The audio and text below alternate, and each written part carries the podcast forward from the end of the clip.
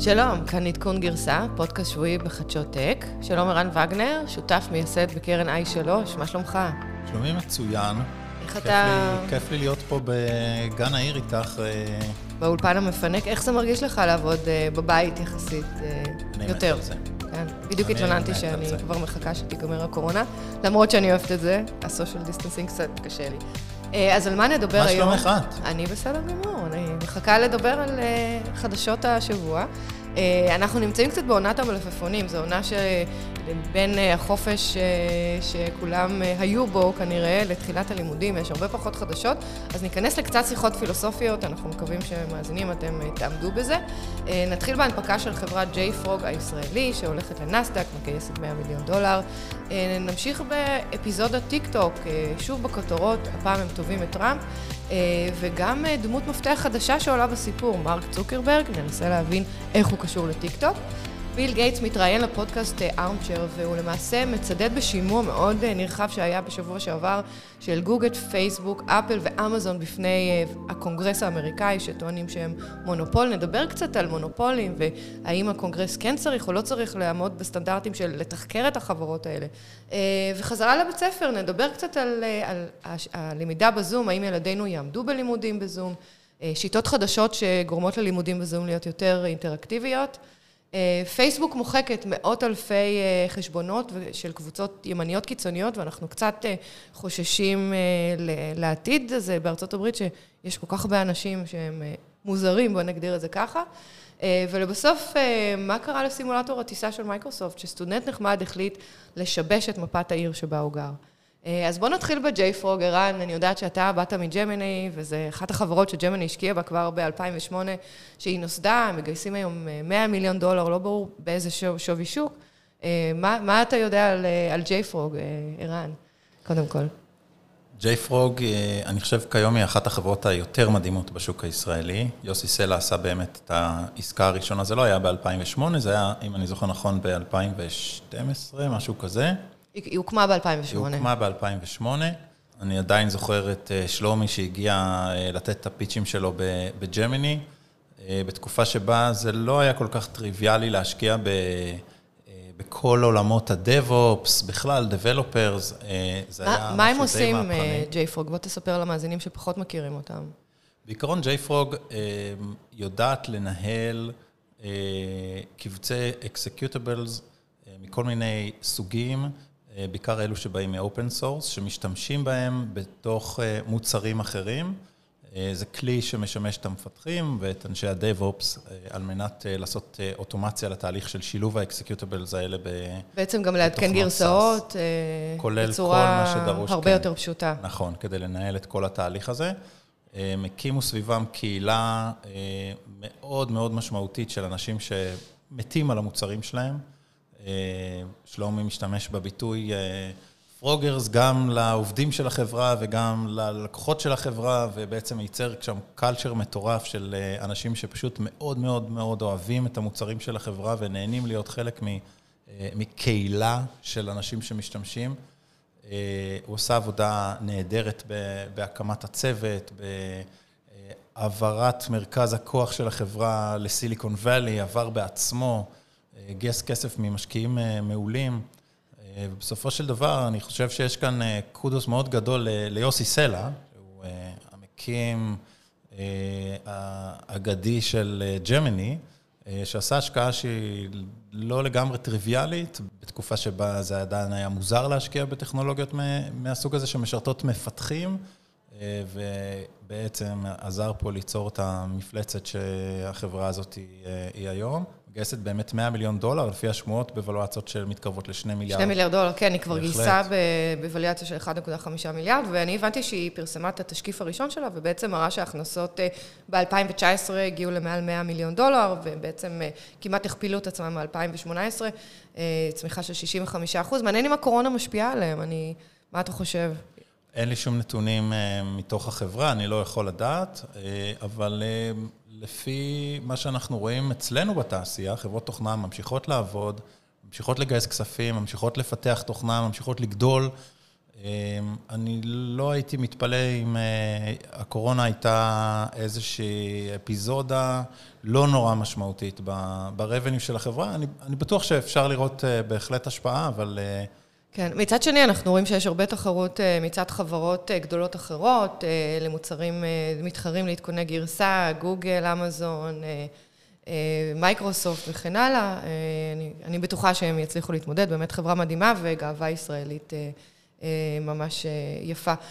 אז בואו בוא נתחיל בחדשות קצת מחו"ל, השבוע בטיק טוק. החברה תובעת את טראמפ, טראמפ בכבודו ובעצמו. ממש הסיפור הפך לטלנובלה. מה, מה שמעת עליו? האמת שלא שמעתי הרבה על הסיפור הזה, אני, מה שאני יודע על הטיק-טוק זה בדרך כלל מהילדים שלי, אבל אנחנו עוקבים אחרי הסיפור הזה של באמת המאבק של טיק-טוק מול הממשל האמריקאי כבר כמה זמן. אני לא זוכר בהיסטוריה של הטכנולוגיה או אחרת, מנהיגים כל כך חשובים כמו טראמפ שמתבטאים נגד חברה ספציפית. כן. היה קצת עניינים עם, עם וואווי, ועכשיו עם טיק טוק.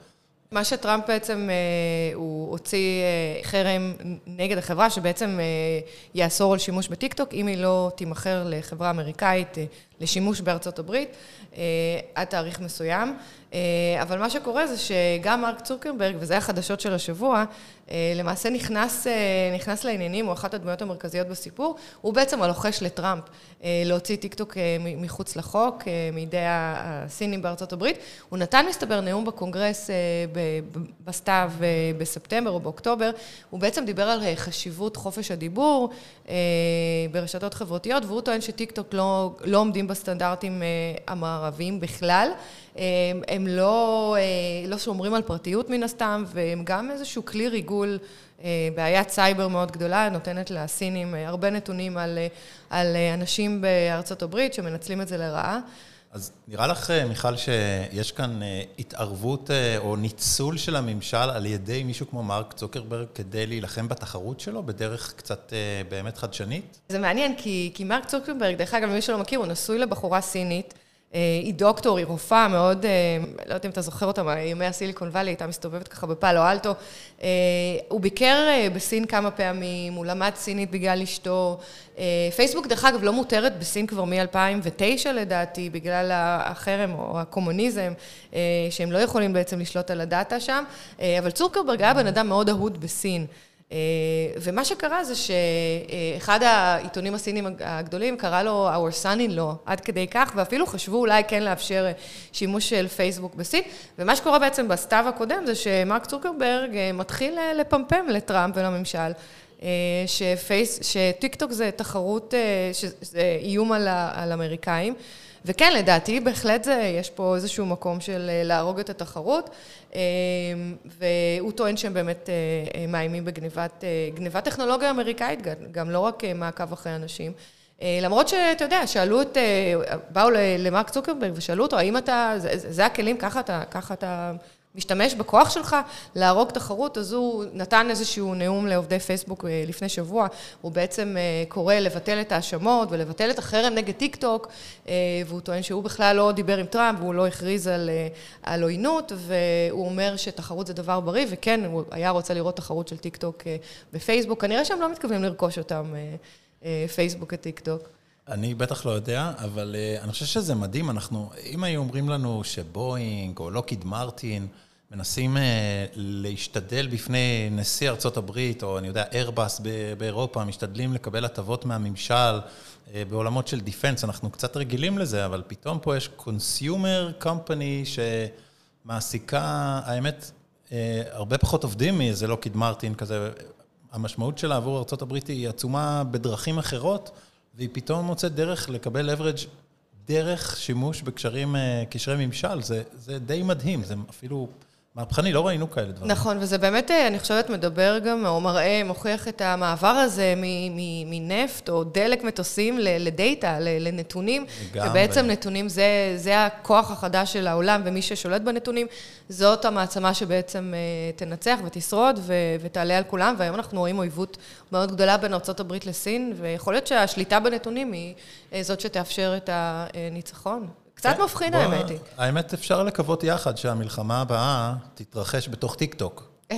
כולנו נרקוד ונבחר את הריקוד הכי נכון אה. לכולנו. זה נורא נחמד, כי אתה יודע, אנחנו רואים שהאפליקציה שהילדים שלנו משתמשים בה בעצם אה, היום מהווה את אה, השיח הפוליטי, אחד החשובים ביותר, מדהים. קצת אבסורד.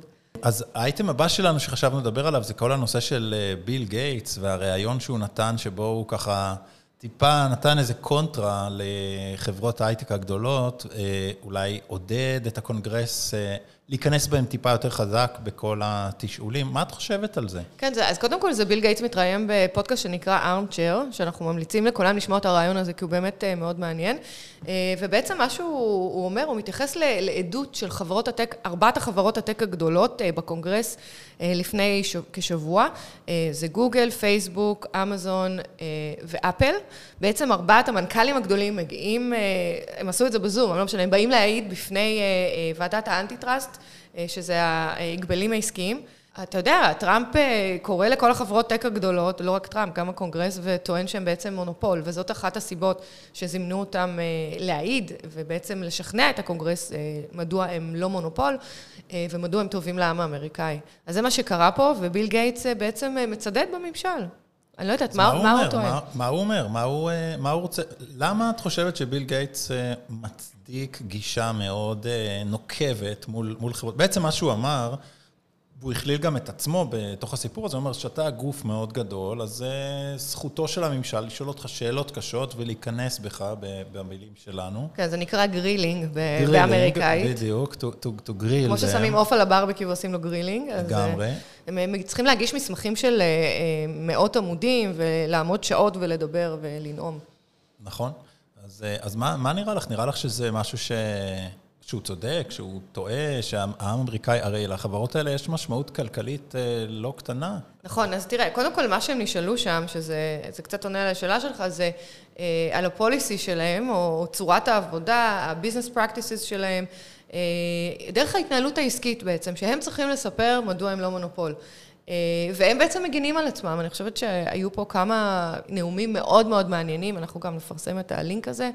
אה, והם בעצם אה, מתארים מדוע הם לא מונופול. יצא לך לה- להסתכל על זה קצת? לא, לא כל כך שוק שאני מתעסק איתו, כל השוק של האדטק, אבל אני יכול להגיד ש... שהם לגמרי בפוזיציה של מונופול בשווקים האלה.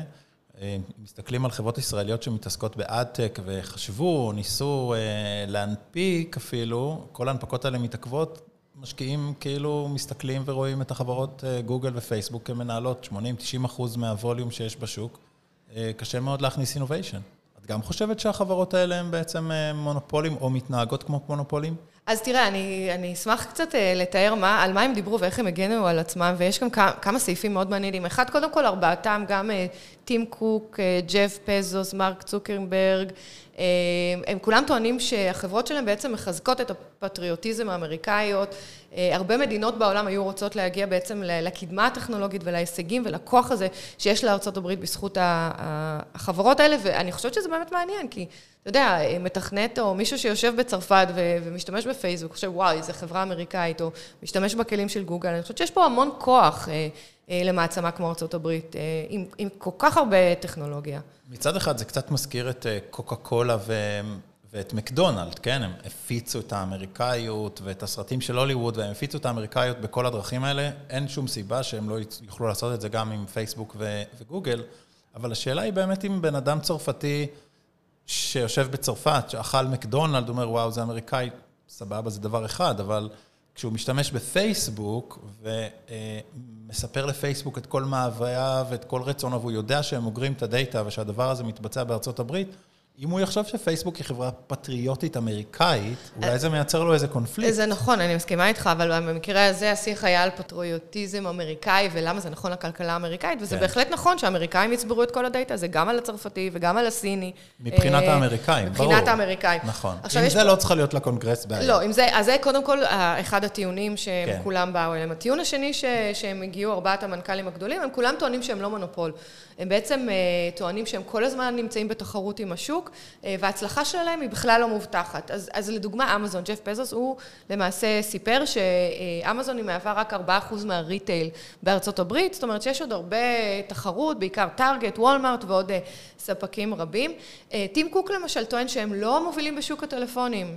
לאפל בעצם הוא לא הטלפון הכי נמכר, הוא אומר שיש תחרות קשה מגוגל, מסמסונג, מ-LG, מוואוי. סונדר פצ'אי, שזה המנכ"ל של האגדי של החדש, יחסית של גוגל, הוא טוען שהיום חיפוש מתבצע בכל מקום, שגוגל אין לה מונופול בחיפוש, שזה קצת אבסורד להגיד כזה דבר, אני חושבת, כי לדעתי גוגל היא כן מונופול בחיפוש, אבל מה שאומר שחיפוש יכול להתבצע אה, אה, גם בטוויטר, גם בוואטסאפ, גם בסנאפצ'אט, בפינטרסט, באמזון, אה, בוולמארט, כל מקום שאתה בעצם רוצה לקנות משהו או לשאול אה, שאלה על מוצר מסוים, אה, או אפילו ברשתות חברתיות, הוא בעצם, גוגל אה, אה, כבר, לא, כבר לא מונופול חיפוש. זה נשמע לך נכון, ערן? אני חושב שכשילדים היום אה, מדברים על אה, לחפש אה, משהו באינטרנט, אז הם מדברים על לגגל אותו. נכון. שזה, במובן הזה, גוגל היא ללא ספק מונופול מוחלט. אבל אתה יודע, מצד שני, הייתי בדרך עם הבת שלי לאנשהו אתמול, ואמרתי לה, תחפשי לי את הכתובת, והיא ישר הלכה לאינסטגרם. היא נכנסה לחנות, ואז היא משם הלכה כנראה לגוגל.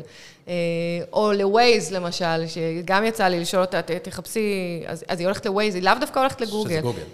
ברמה העקרונית, ברור שיש מקומות אחרים לחפש, באמזון אתה יכול לחפש מוצרים של אמזון, אה, אבל בגוגל אתה יכול לחפש מוצרים מ... של כולם. של כולם, מאלף ואחד suppliers ו... נכון. ומקומות אחרים.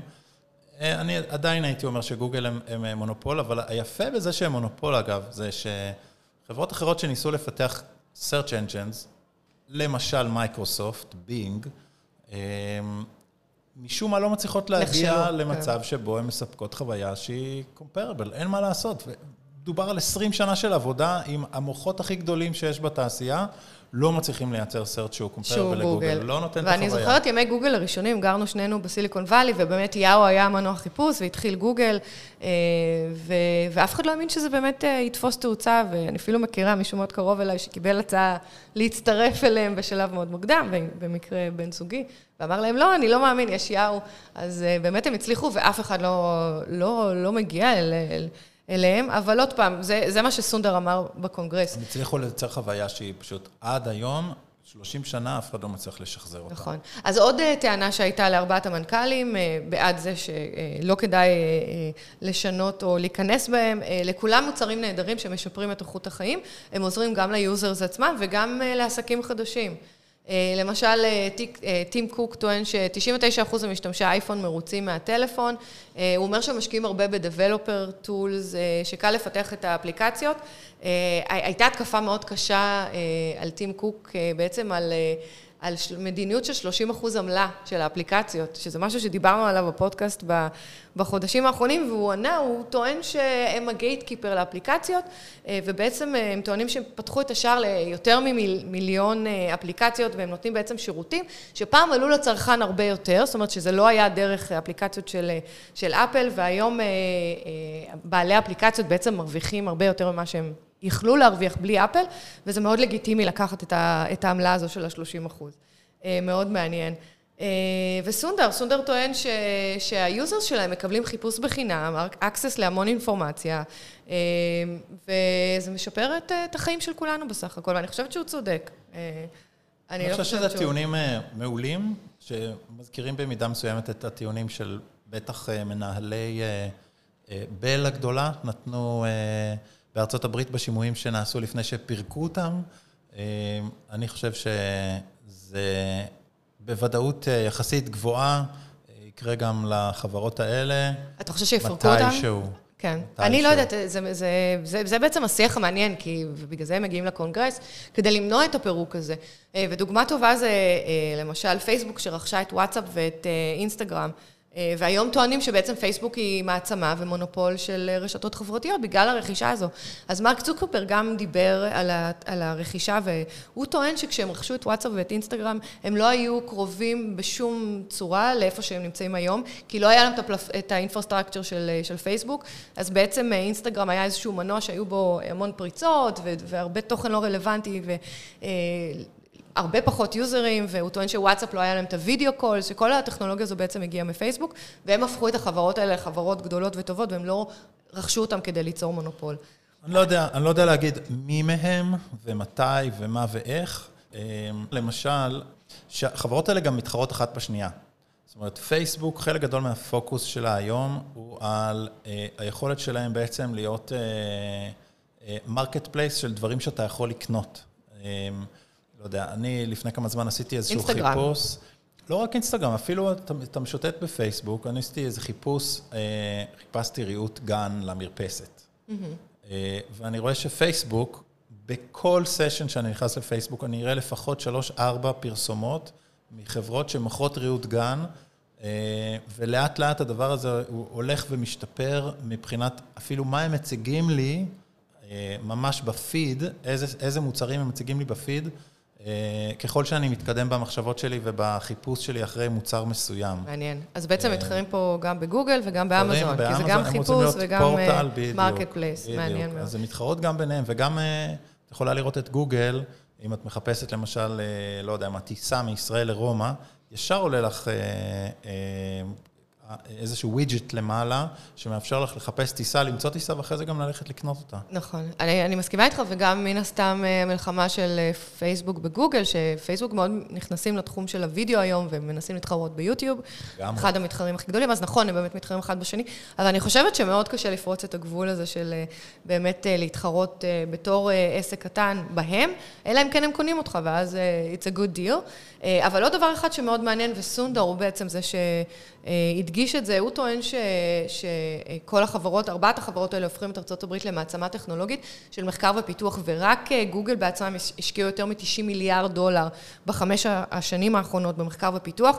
קשה מאוד להגיע לסכומים האלה, בטח לממשל האמריקאי, ובעצם הם, הם דוחפים קדימה את כל עתיד העם האמריקאי. אני, אני מסכימה איתו, אני, זה באמת משהו ש...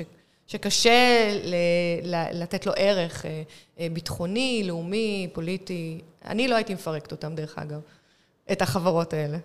אתה כן. לא, אני לא אמרתי אם אני הייתי או לא הייתי, אני חושב שזה נושא שהוא יישאר על השולחן עוד הרבה זמן, ואני הייתי מהמר שמסיבה כזאת או אחרת, אה, לפחות חלק מהחברות האלה ייאלצו להתפרק. זה גם קצת מפחיד שחברות אוספות סביבם כזאת עוצמה מטורפת, שבעצם יכולה לכופף ממשלים, ממשל, זה נכון. לא במדינות קטנות במקום כזה או אחר, אלא במדינות אה, גדולות ומעצמות כמו ארצות הברית. נכון, והן גם אה, הרבה פעמים מריצות אה, נשיאים, זאת אומרת, תומכות בכל ה... נראה מה יהיה עכשיו בנובמבר בבחירות, אבל בוא נאמר שאף אחד מהם לא תמכה כנראה בטראמפ אה, בבחירות, וזו אחת הסיבות שהוא... ואף על פי כן. אף על פי כן, בדיוק. דרך אגב, אני חוזרת רק לזה שביל גייטס הוא זה שדיבר על, ה, על השימוע הזה, והוא צידד בו. אה, השימוע הכי גדול אה, שהיה אי פעם לפני השימוע הזה של שבוע שעבר, הוא שימוע ב-1990 של מייקרוסופט, אז זה קצת מצחיק שמייקרוסופט לא נמצאת בשימוע הזה, היא לא נחשבת כנראה מונופול, אבל כן לשעבר הייתה, ולמדה מהלקח. דרך אגב, הזמינו גם את טוויטר לשימוע, אבל... Mister דורסי איכשהו התחמק מזה, ובסוף אה, לא הגיע. עוד דבר ש... אני חושב ש Mister דורסי אה, צריך להיות שמח בכלל שהשם שלו מוזכר באותו משפט כמו החבר'ה האחרים. הגיע, לא הגיע, זה כבר נושא אחר. נכון. אה, עוד דבר שביל גייטס נורא צנוע ועדין, גם אם תקשיבו לפודקאסט ארמצ'ר, אה, הוא מדבר על זה שהוא הרבה פחות אה, קשוח מסטיב ג'ובס, הוא משווה את עצמו לסטיב ג'ובס מבחינת הגאונות, הוא אומר, אני פחות קשוח, אני לא יודע לבשל, אני סושיאלי אוקוורד, אני לא מסתדר כל כך בחברה של אנשים, ואני לא מוכשר חברתית. הוא פרגן, הוא פרגן סך הכל לסטיב, אני חושב. אבל סטיב מת, מה יוצא לו מזה? אני חושב שזה... טוב. יפה מבחינתו. אנחנו נעבור לכתבה הבאה, שהיא גם כן קצת פילוסופית. חוזרים לבית הספר, ערן, איך אתה מרגיש אה, להתחיל אה, לקום כל בוקר, לשלוח אה, את הילדים, או שהם לומדים בזום? קודם כל... הם שולחים את עצמם. הילדים שלי, כן, אחת מהם כבר התגייסה ופחות הולכת לבית ספר, והשני מסתדר בעצמו. אוקיי, לא מכין את הסנדוויצ'ים. אם הוא הולך, אני לא, אני צריך להכין לו את הסנדוויצ'ים, זה אוקיי. נכון. והאמת היא שאולי להכין סנדוויצ'ים פעמיים בשבוע במקום חמש פעמים בשבוע, זה דווקא לא רע בכלל. אני כל כך שמחה, רק שתדע לך, זה, זה פשוט גורם לי להיות יותר מאושרת בשבוע שלפני בית ספר. לגמרי. שזה רק שלוש פעמים בשבוע ולא כל יום, אני הייתי מאמצת את השיטה. אה, זה schedule הוא שלוש פעמים בשבוע הם יהיו בבית ספר פיזי? בוקר טוב ערן, כן, לפחות אצלנו זה מה שיהיה. אני קיבלתי כמה אימיילים מהבית ספר. אחרי השני, שהרגשתי שהם לא בדיוק aligned, אחד עם השני, אמרתי, אני אפסיק לקרוא, מחר יהיה משהו חדש, הם יכתבו משהו אחר. שזה נכון. זה אני... בכלל אימיילים ארוכים כאלה, וזה גדול עליי, אם מישהו היה יכול לשלוח לי שני משפטים, או שסול פשוט יוכל להגיד לי מתי יש לו בית ספר ומתי יש לו אימונים. בשבילי זה מספיק. יש לך ילד אחראי. אה, אז יש כתבה מאוד מעניינת אה, ב-The Verge, שבעצם אה, טוענת שכל תחום החינוך באונליין ישנה את החינוך בכלל, וזאת הזדמנות חד פעמית עולמית להגיע לשינוי הזה ולגרום למערכת החינוך להיות יותר טובה. ערן, מה אתה חושב? מה אתה חושב על, ה, על, על האמירה הזו, ומה אתה חושב על השיעורים בזום? אני יודעת שאתה גם מלמד בעצמך, איך אתה תופס את התחום הזה ולאן הוא הולך? אני לא יכול להגיד שאני יודע לאן הוא הולך. אני חושב שאחד הדברים המקסימים שקורים, זה שפתאום כולם חושבים על זה.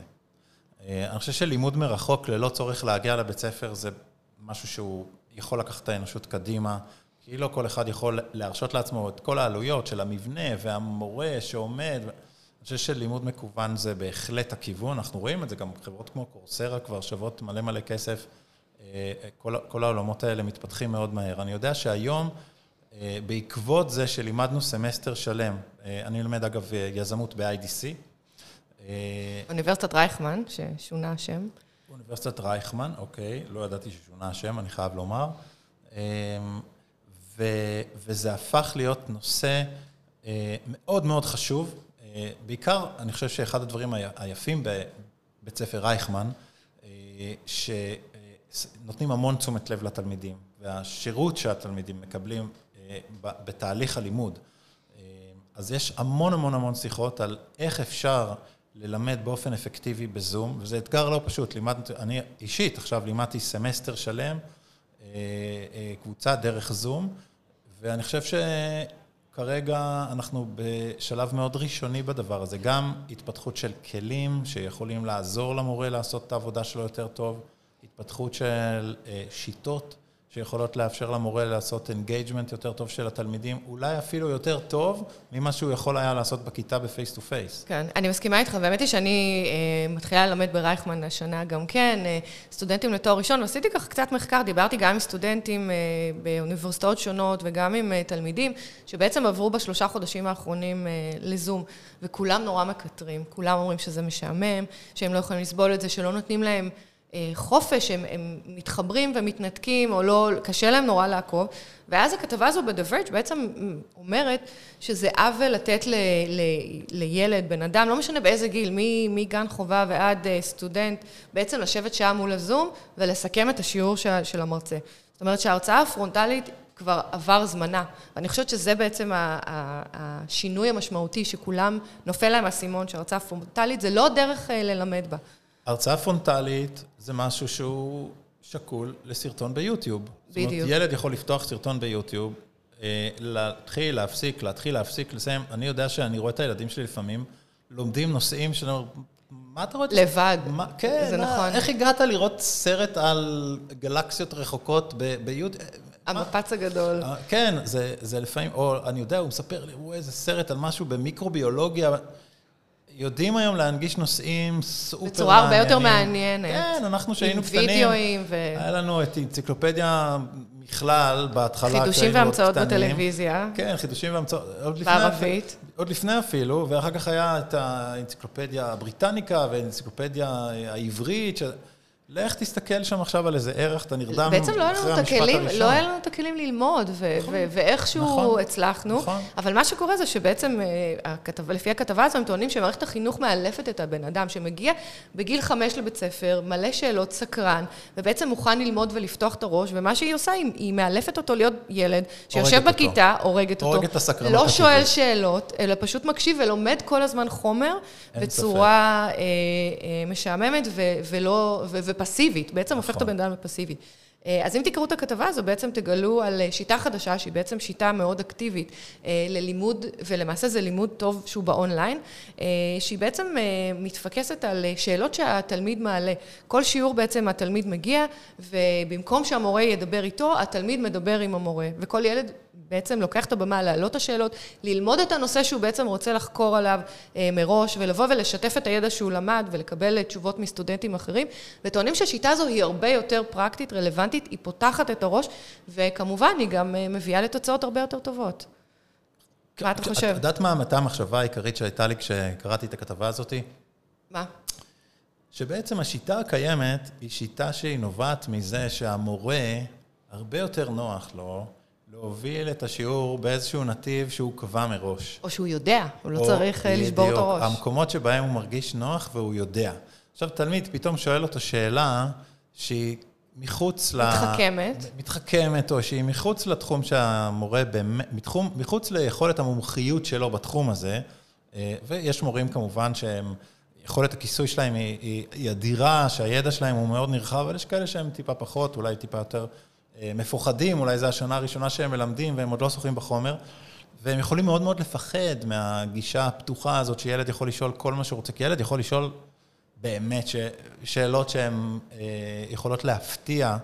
אה, ואם אין לו תשובה, הוא קצת יפחד מה יקרה לצורה שבה הוא נתפס על ידי שאר התלמידים. זה נכון. ו... אז זה דרך שהיא דורשת שהמורים יהיו ברמה קצת מוכנים, אחרת. נכון. כן, וזה קצת... באמת אה, גם חלק מהכתבה, זה איך אפשר להכין את המורה אה, להעביר את השיעור בצורה יותר אה, נכונה, שיכולה נכון. לפתח שיח דינמי, ובאמת נכון. הם, הם טוענים שזה קצת מלחיץ את המורה. גם, אתה יודע, יכולה להיות גם עוד אופציה שהסטודנטים יגיעו לא מוכנים ולא ישאלו את השאלות, ואז איך המורה יעביר את השיעור, אז גם לזה יש פתרונות. אבל בוא נאמר שיש פה הרבה, הרבה יכולות שיהיו מפותחות באופן טכנולוגי, והרבה מקום ל innovation.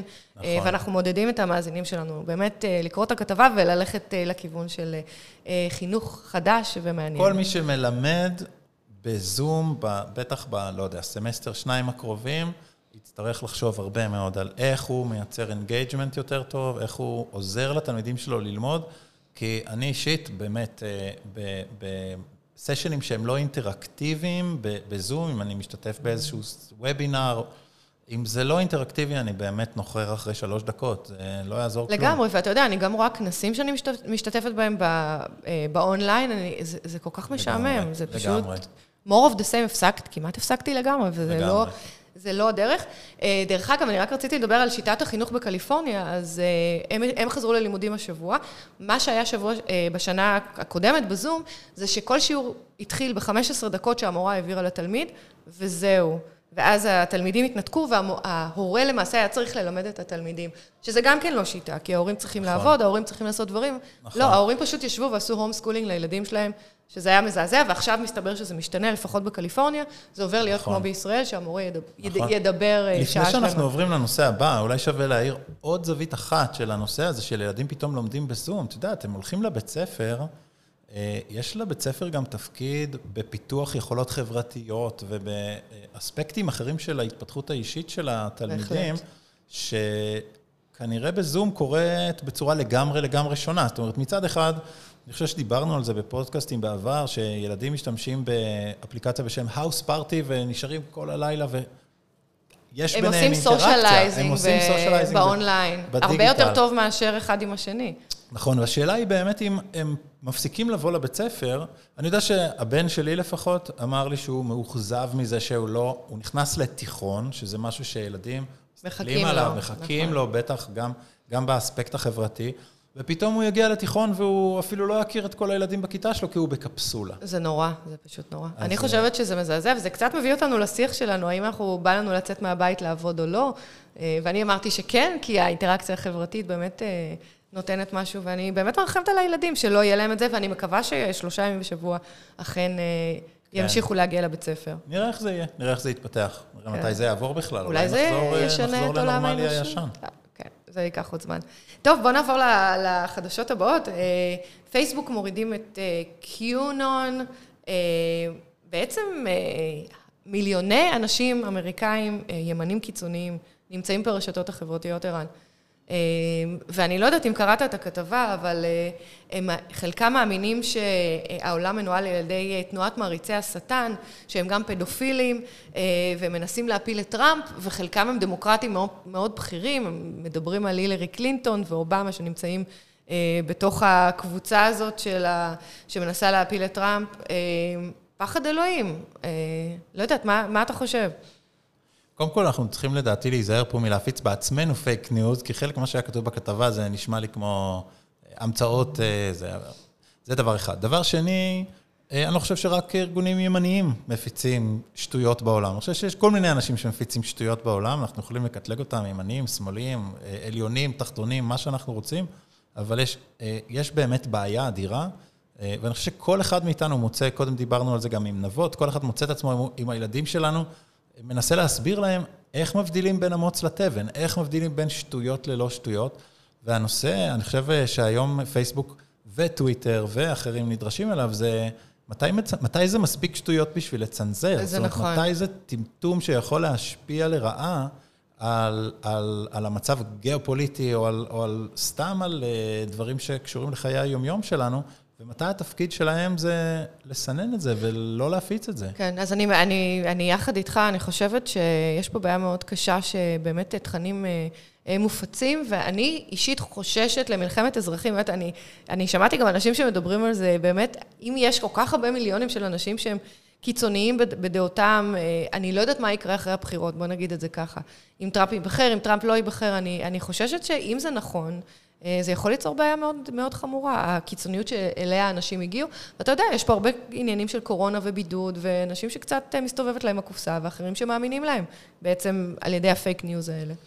לגמרי. אני חושב שאנחנו יכולים אה, בהחלט לראות, אה, להתחיל לראות הפגנות של אלה שמאמינים שכדור הארץ הוא שטוח, לא מסכימים לקבל על עצמם את חלק גדול מהדברים שאנחנו רואים כמובן, כמובנים מאליהם. כן. ו... אז אני חושבת שבאמת... חלק מהסכנה בפלטפורמות כמו פייסבוק, שהן מעצימות שטויות כמו שהן מעצימות אה, דברים נכונים, ומי יכול להבדיל בין השניים? כן, אז אני חושבת שבאמת התפקיד של כל אחד מאיתנו זה בבית אה, להסביר לילדים שמה שהם קוראים הוא לא תמיד נכון, ולנסות לפתח את האמת שלהם. אה, אז הנה, אנחנו שוב פעם בדיון יחסית פילוסופי לפודקאסט שלנו, אבל בואו נעבור לאומנות, ואם אנחנו לא יכולים להיות ברומא השנה, אז יש אומנים שבעצם מביאים את רומא אלינו הביתה. קראת את הכתבה? כן, קראתי את הכתבה, אני חושב שיש היום אה, מלא דברים ממש ממש מגניבים שאנשים עושים עם רשתות גן. אה, מלהחליף פרצופים בווידאו, אנחנו רואים את זה בפייסבוק כל שזה הזמן. שזה בעצם הרי, AI. שזה, כן, שזה כל מיני רשתות נוירונים שיודעות אה, ללמוד ולעשות כל מיני דברים אה, מעניינים. אני לא יודע אם ראית את אה, כל מיני סרטונים שהפרצוף של טראמפ מוחלף על משהו, או פרצוף של ביבי מוחלף על משהו, כן, זה מיני... פחות, פחות אומנותי כרגע, פחות אומנותי, פוליטי. אבל ש, שימוש בטכנולוגיה דומה. והבחור, תזכירי לי איך קוראים לאומן הזה? אני לא זוכרת את שמו, אבל הוא בעצם מומחה ב-VR.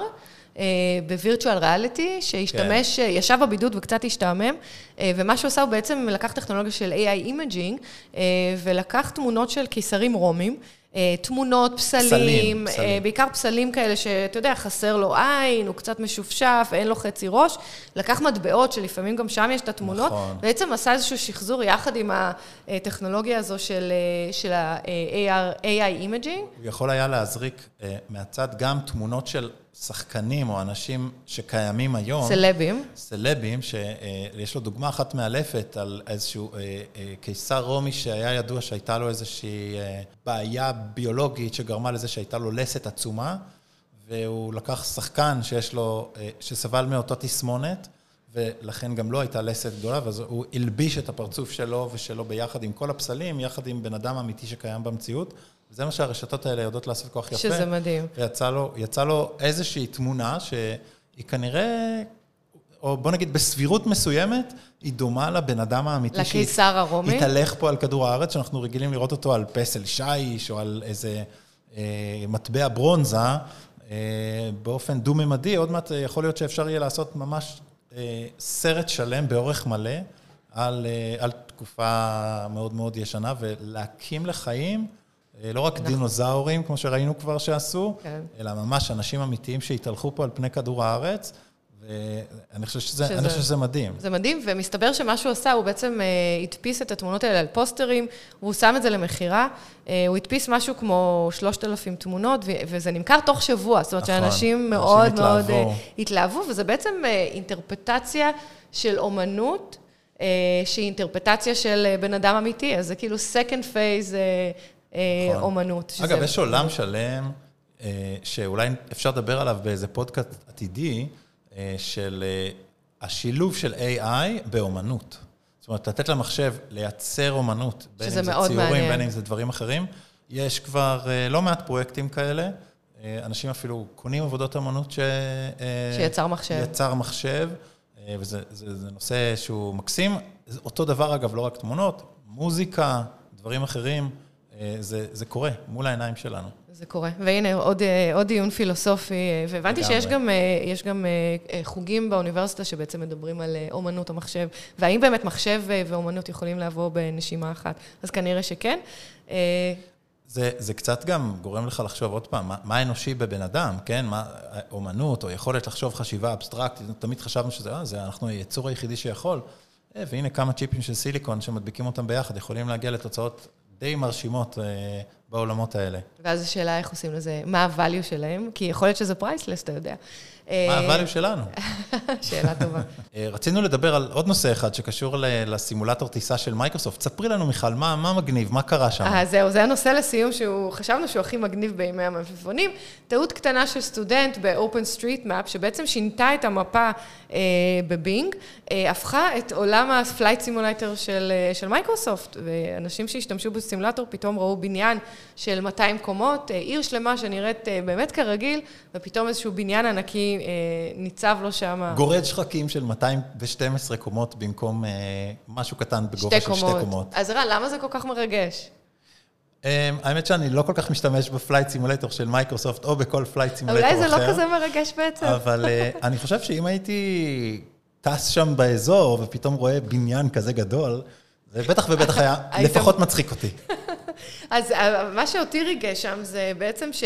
אה, איך יכול להיות שכל אחד אה, מהבית, כל סטודנט, יכול לשנות את ה-open street map באופן הכי פתוח בעולם, ואז במקרה איזה designer של מייקרוסופט שמשתמש ב-open street map של Bing, שזה בעצם המפה, לוקח את זה ומתרגם את זה לאיזשהו flight simulator, ומי יודע, לא יודעת, אולי יש איזה צבא שישתמש ב-open street map של, של Bing, ש, שהגיע לשטח לא נכון. אני, אני זה, לא יודע איך קרתה הטעות. זה הכל פתוח? אני לא יודע איך קרתה הטעות, אה, ובכל המקומות האלה, כמו למשל open street map, או מקום שאני מכיר קצת יותר מקרוב, ב-Moovit, שבהם משתמשים ב-crowd sourcing כדי...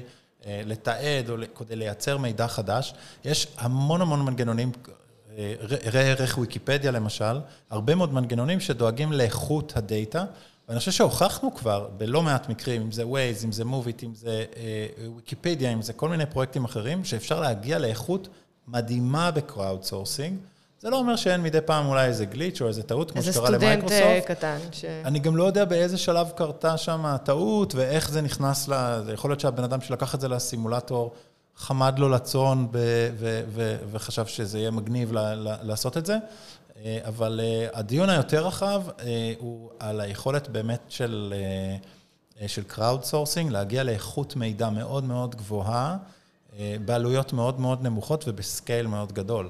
כן, זו שאלה נהדרת, אני חושבת שזה משהו שהמאזינים בעצם יכולים לחשוב עליו, ובאמת יש פה הרבה מקום אה, לחדשנות בשנים הקרובות, במאה הקרובה, כי כמו שאמרנו, דאטה הוא מה שמשנה את העולם.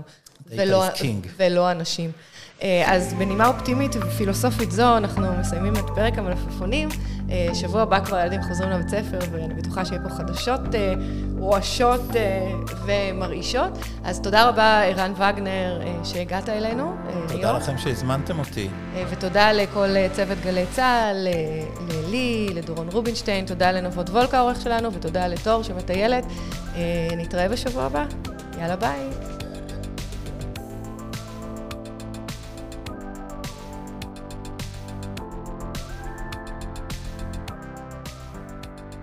היום אה, אני מארחת את אה, רן וגנר, אה, מנכ"ל, מייסד קרן i3. לא? שותף מנהל. טוב. רן הוא... את יודעת מה זה מזכיר לי? חלק מהשירות הצבאי שלי, הייתה איזו אפיזודה, שמכל מיני סיבות מצאתי את עצמי שחקן בסרט. בשירות הצבאי? איפה שירתת? סרט לימוד על אנטנות. מטעם חיל קשר. אה, נכון, שנינו היינו בחיל קשר. אז בילינו איזה שלושה חודשים בלהסריט סרט על אנטנות. נשמע נורא מעניין, אני הייתי עפה על זה. זה סרט מתח מטורף. עד את כדי כך. הוא היה מוצלח, שכמה שנים אחר כך, אחות של חבר שלי, מיכלי ליבוביץ', אה, הגיעה ל... לא יודע מה, מחלקה שמתמחה בהפקת סרטי וידאו לצבא איפשהו, והם עשו, אה, היא עשתה קורס אה, בלעשות סרטים בצבא. ונבחרת לשחקן המצטיין. מיכ- ופתאום אני מקבל טלפון מיוני, היא אומרת, אומר לי, מיכלי ראתה סרט של- סרט שלך היום. מסתבר שהראו להם את הסרט הזה, כדוגמה איך לא עושים את זה. שותף מייסד. שותף מייסד, כן?